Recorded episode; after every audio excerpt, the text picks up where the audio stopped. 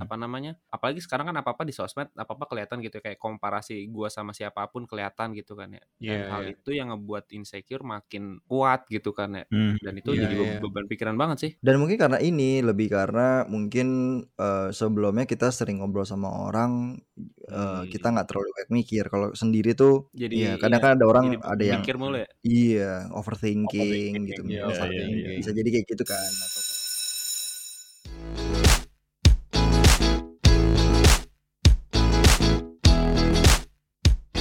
jadi kalian udah ada yang buka puasa bersama Itu Pau Si- kemarin berapa Pau kali itu tuh Pau? buka Iya Pau paling sering nih bumber. Iya, gue sehari buka bersama dua kali. Oh, apa yang lo buka? Pas, pas yang kedua lo buka apa tuh? Yang, yang pertama buka acara sahur bersama. Nah, yang kedua buka puasa bersama. Ya, kirain lo buka dua kali, satu di duhur, satu di maghrib, gitu kan? Jadi dua Bisa kali. sih. Itu namanya ini ya top up ya. Top. up. Jadi habis duhur lanjut Puasa lagi, top up. ya. Iya, lanjut lagi. Jadi lo pas dulu lo save game dulu, abis dulu lo load game lagi gitu ya. iya, betul. Checkpoint, betul. checkpoint. Checkpoint. Checkpoint.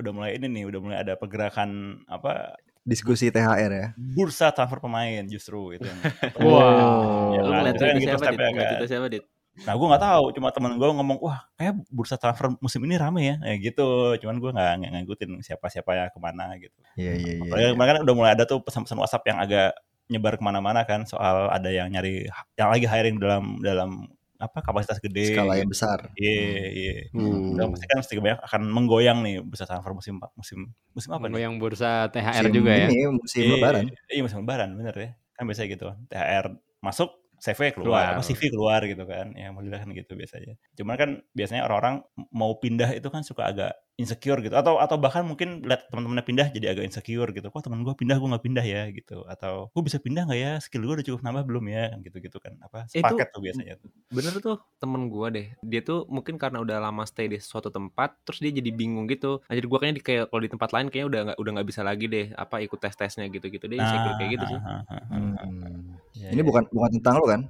kan kan kalau gua gua ik- ikut ikut ini gua ikut arus gua Oh, ikut arus. Ya, ya. Oh. Berarti lo ini ya, eh, atlet arung jeram ya. Lo umur umur berapa sih Ram sekarang Ram? umur dua quarter life gua quarter life 25 lo ya? iya Nah, Oh, pas jigo, udah jigo. quarter life udah. Gimana Ram quarter life?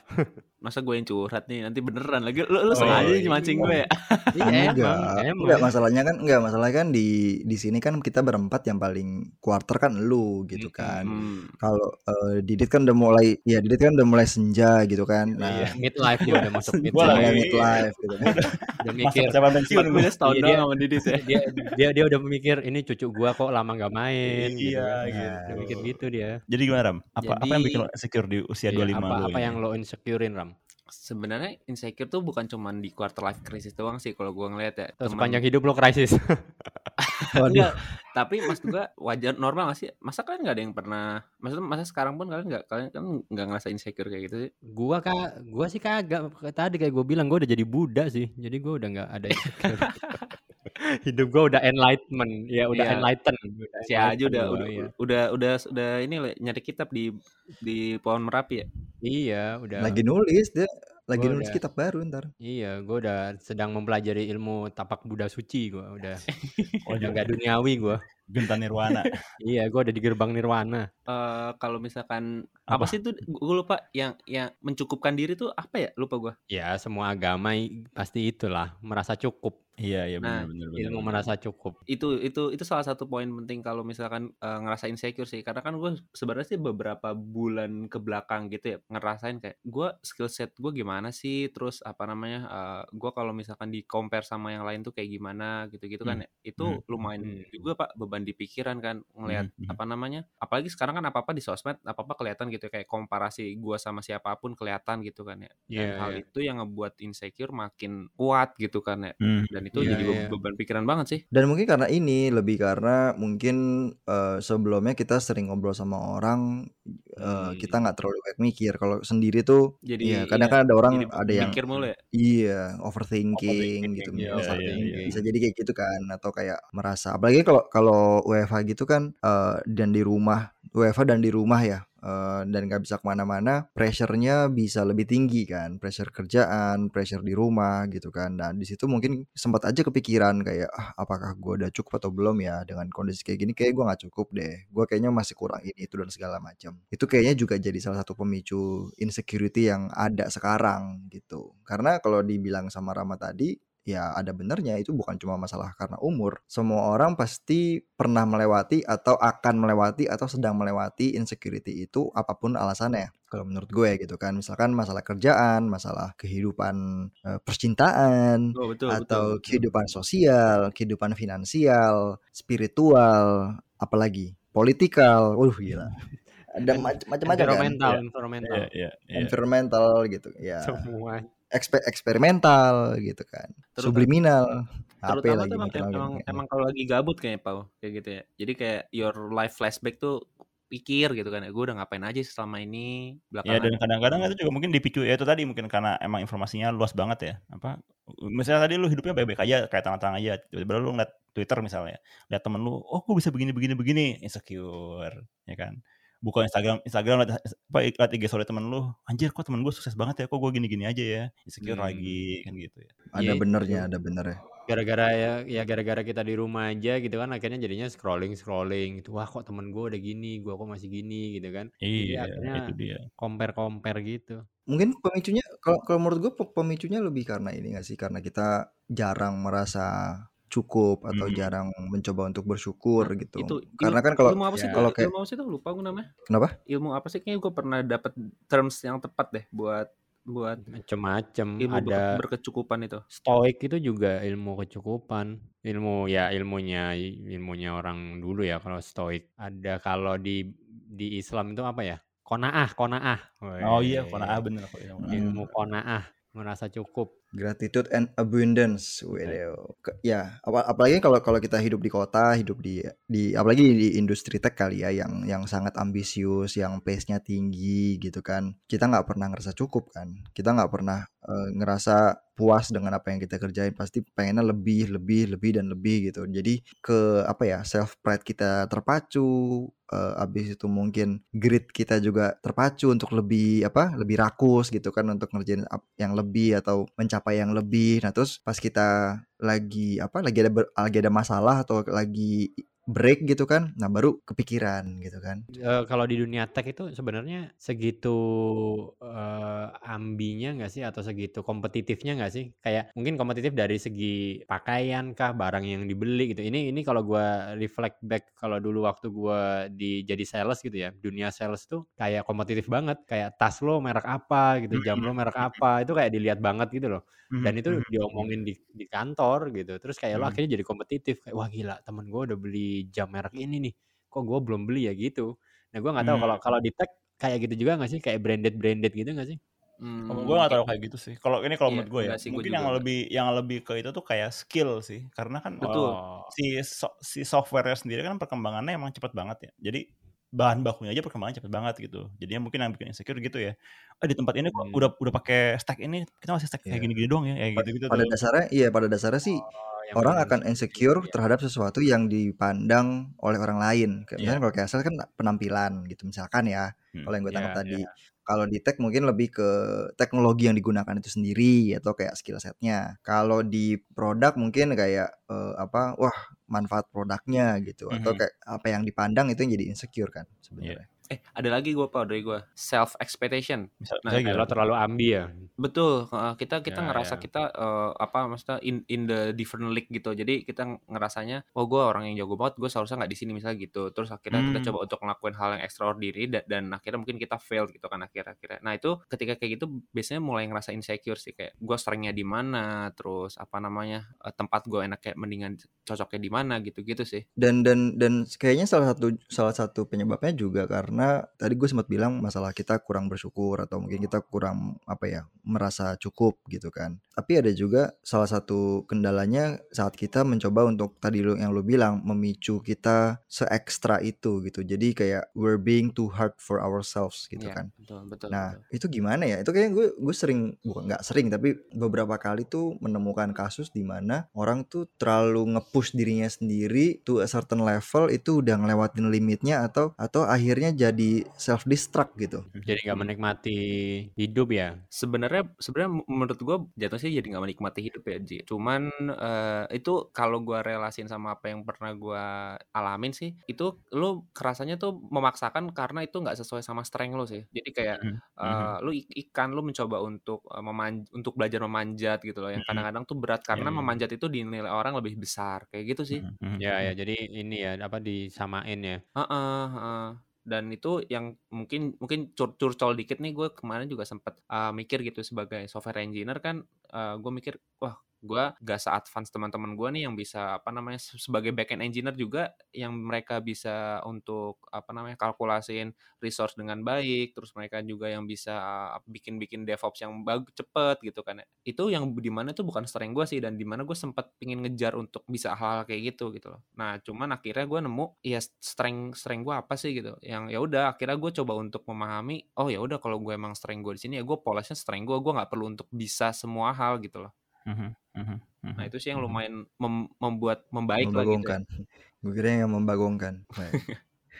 Iya tapi tapi itu gue setuju sih itu gue setuju sih kan di di di apalagi di industri tech ya kan sangat gampang buat FOMO ya buat apa, fear of missing apa FOMO itu apa sih fear of Fear Fear of of missing missing out. out. ya Ya. jadi takut ketinggalan gitu si ini udah bisa ini gue belum bisa ini si itu udah nyampe level ini gue belum bisa gitu kan jadi atau bahkan mungkin yang sederhana ya kok orang pada ngomongin misalnya orang pada ngomongin machine learning gue nggak ngerti nih gue belajar ah. Padahal mungkin ya itu tadi kata kata kata si Rama kekuatannya itu bukan di machine learning justru gitu. Jadi ngapain lu belajar machine learning? Dan yang mana mungkin apa mungkin orang mikirnya gini ya eh, oh gue pengen bisa machine learning supaya nanti gue bisa jadi bisa jadi bisa jadi ML engineer lah misalnya gitu. Tapi karir pathnya dia mungkin nggak ke situ gitu. Dia dipaksain ngelakuin hal satu hal yang nggak sesuai sama jalur karirnya akhirnya malah stres sendiri malah capek sendiri gitu kan malah eh, jadinya malah jadi malah nggak jadi ke mana-mana karirnya gitu karena nggak punya satu spesialisasi yang Iya yang karena gitu, dia gitu. pindah-pindah terus ya, nyoba lagi, Iya, nyoba lagi. ada ada ini juga sih ada cerita mungkin uh, beberapa temen gue masih ada yang insecure tentang uh, misalkan dia belum dapat kerja susah dapat kerja gitu kan ya. nah itu Hmm. gue cuman ceritain kayak misalkan kita tau lah uh, Jack Ma itu kan coba untuk kerja di KFC aja dia nggak ada nggak diterima gitu kan ya atau bahkan yang kayak apa namanya uh, foundernya dulu foundernya WhatsApp dia coba untuk daftar Facebook tapi nggak diterima ya gitu kan ya Ya, Nah ya. itu sih kalau yang gue lihat eh, bukan berarti lu nggak memenuhi kualitas dari se- da- dari seorang misalkan Facebook gitu ya, engineer Facebook. Emang sih sebenarnya jadi nggak memenuhi ya.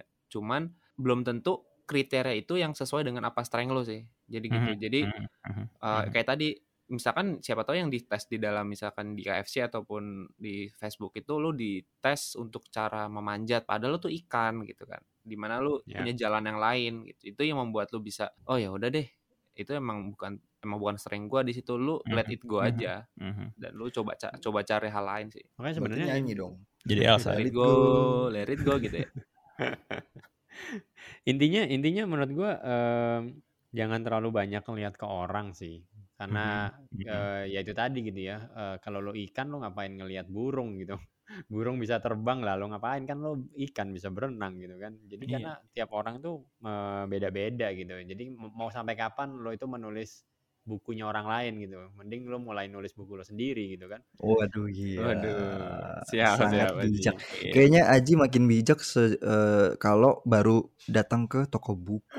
baru baru pulang dari mall baru pulang Iya, dari- soalnya gua nggak sengaja, gua iya gua nggak sengaja baca buku-buku gitu kan. Jadi akhirnya Hmm. gua tercerahkan. Iya iya iya iya. Ji, tapi sebelum sebelum ngeliat orang lain mending kita tahu dulu kita ikan atau apa sih Iya, ya Nah, itu sih. iya. Nah, berarti kita harus kenalin diri sendiri gitu ya. Kita harus Iya, kenalin betul. diri sendiri. Tiap orang tuh ada fasenya masing-masing. Bener, ada ada timelinenya Ke- sendiri-sendiri seringkali- gitu kan. Ya, sering kali yang yang kita lupain, kita anggap remeh atau bahkan nggak nyadar kita tuh sebaiknya melakukan itu adalah kita tuh nggak pernah berterima kasih ke diri sendiri gitu Hmm, kan, benar, atau iya, kita nggak pernah memaafkan diri Maafkan sendiri diri gitu. sendiri. Benar, benar, Waduh. benar. Ini topiknya berat ya. Iya. kita kok ini oh, OKR episode mindful nih Iya, kan bisa ada mindful.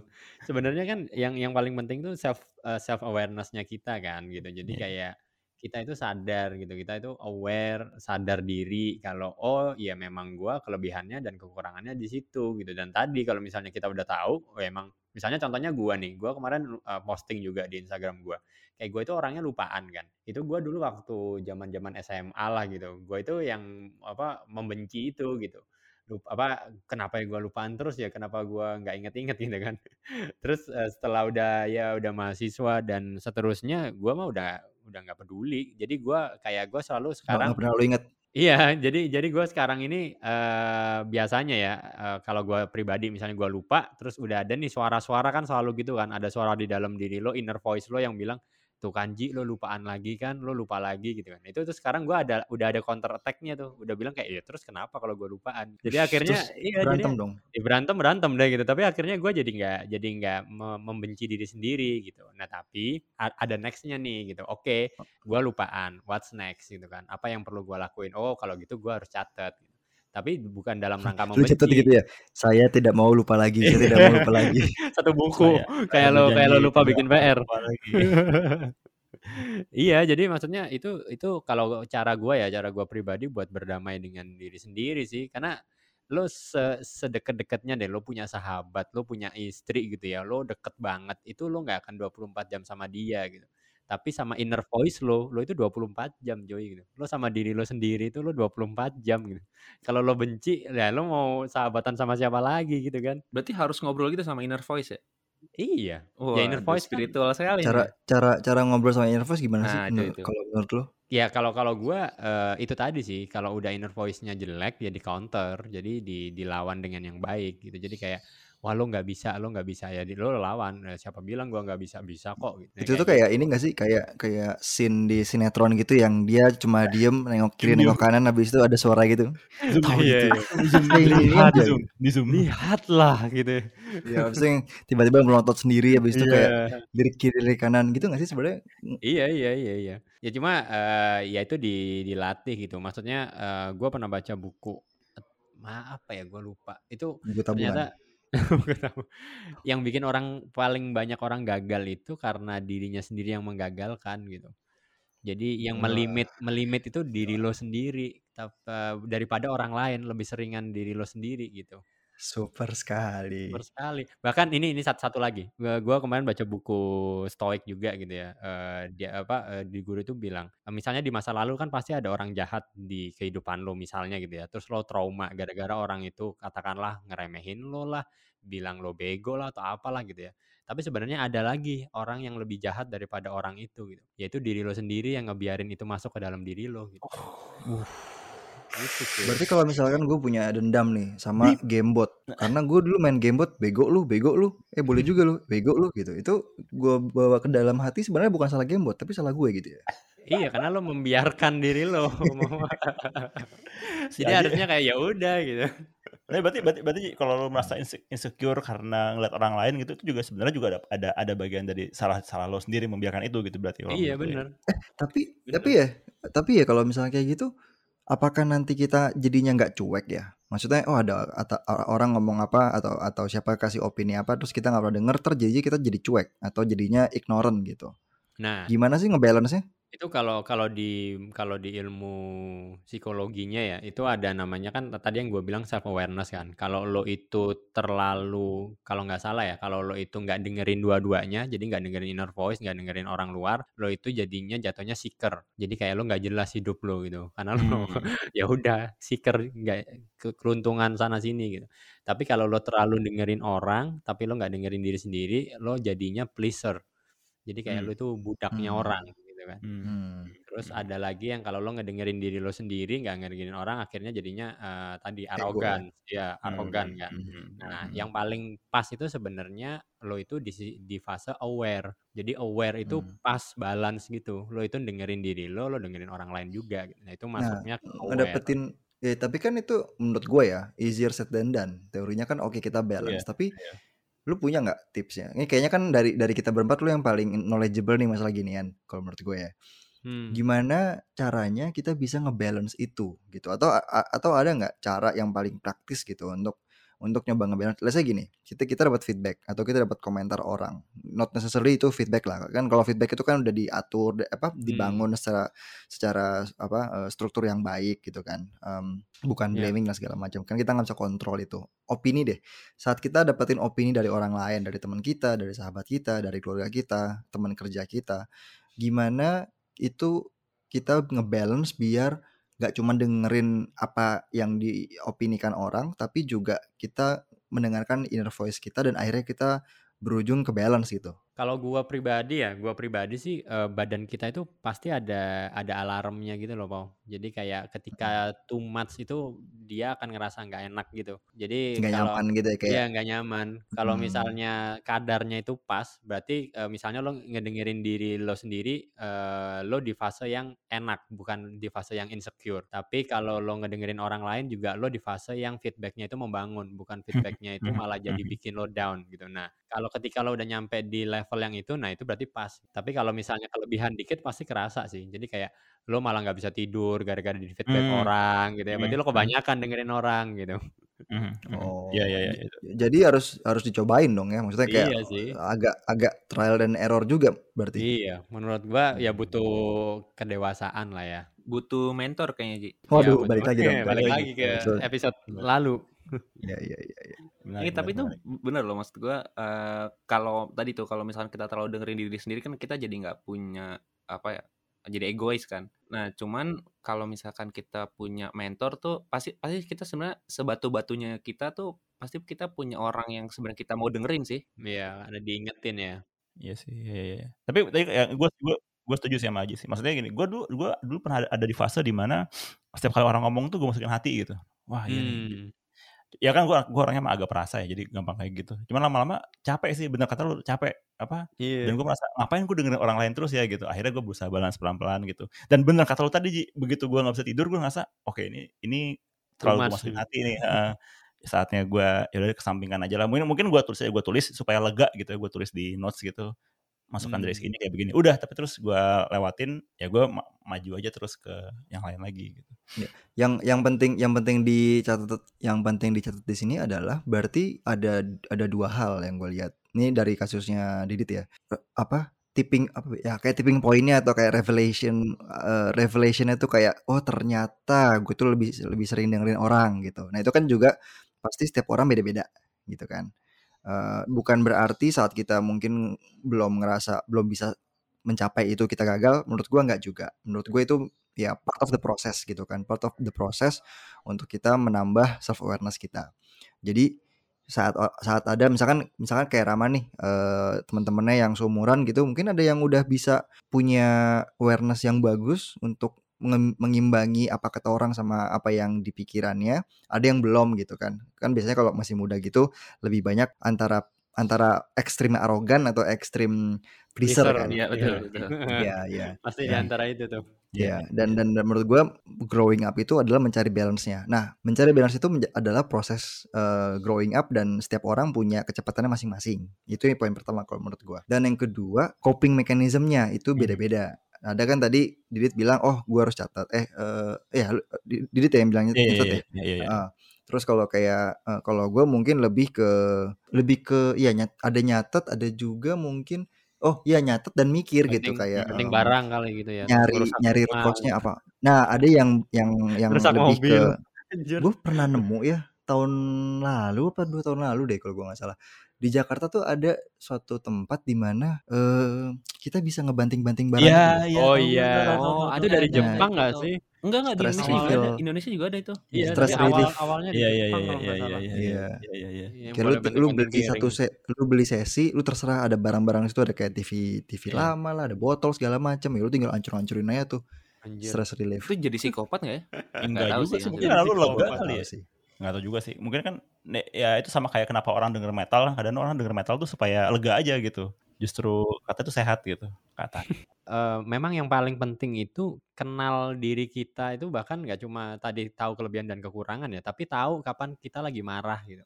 Terus lo Hmm. harus harus tahu cara cara ngerilis marahnya apa gitu kan. Kalau lo lagi down, lo tahu gitu. Oh ini eh, ini ini gue lagi down. Bahkan oh ini eh, Senin Selasa kemarin kan gue ikut workshop ya. Jadi ada ada trainingnya gitu. Itu eh, ini buat ngedidik anak ya. Makanya ini mungkin buat yang udah mau punya anak itu katanya dididiknya dari kecil. Ketika kita ngerasain itu dikasih nama gitu. Hmm. Jadi kayak misalnya nih Maksudnya gimana? anak, iya misalnya anak lo lagi marah gitu ya. Mm-mm. Kamu eh, itu harus di harus diterapiin. Oh kamu sekarang kenapa gitu? sebel ini itu ini itu. Oh coba dikasih nama. Namanya apa ini? Misalnya namanya marah gitu kan. Ya udah berarti kalau kamu nanti ngerasa gini lagi, ini namanya marah ya gitu. Hmm, diekspresikan gitu Iya berarti dengan sesuatu diekspresiin. gitu. heeh. Terus kalau Oh, misalnya oke. anak kan dulu kita anak laki-laki nggak boleh nangis gitu kan. Nah itu anak-anak nggak boleh tuh digituin kan. Jadi kalau nangis ya udah nangis. Terus ditanyain lagi, ini perasaan ini namanya apa gitu. Oh ini namanya sedih gitu. Oh ya udah sedih rasanya gini ya. Nanti suatu saat nanti di masa depan kalau kamu merasa kayak gini lagi ini namanya sedih. Nah nanti kalau udah udah dia tahu baru lebih gede lagi ditanyain kalau sedih kamu mau ngapain. Jadi akhirnya eh, orang itu jadi kuat karena dia punya dia dia aware. Oh ini gue lagi marah nih. Biasanya gue kalau lagi marah itu ngapain misalnya. Oh, itu itu Mbak itu nggak usah nunggu masa depan sih kayak itu apa anaknya kakak gua aja tuh sekarang kalau misalkan marah tuh ngomong aku lagi marah gitu deh. Iya benar. Ya, Iya, iya, jangan iya, jangan iya. jangan-jangan orang tuh saat dia nggak tahu emosinya apa, jadinya melampiaskan. Mungkin kalau dia udah tahu, mungkin dia bisa Iya benar benar. Mensolusikan ya. Benar. Bener, ja jadi Iya, iya, iya. melampiaskan gitu kan. Jadi kayak, Iya. wah gua gua udah mau marah nih. Ini ini gua udah deket marah gua nih. Bias eee, gua harus ngapain ya? Misalnya gua harus banting apa gitu supaya nggak lanjut gitu Hmm. kan. Gitu. Oke, Jadi oke. kalau sedih, wah ini gua lagi sedih nih. Eee, kalau Iya. gua biarin gua bakalan down terus nih. Gua harus ngapain ya? Biasanya Iya, iya, terapi iya. gua apa Ini kan gitu. ya misalkan lu lagi lagi lagi mau, mau bawaannya nangis-nangis sedih gitu, tapi kalau bawaannya te- teh panas itu seduh gitu.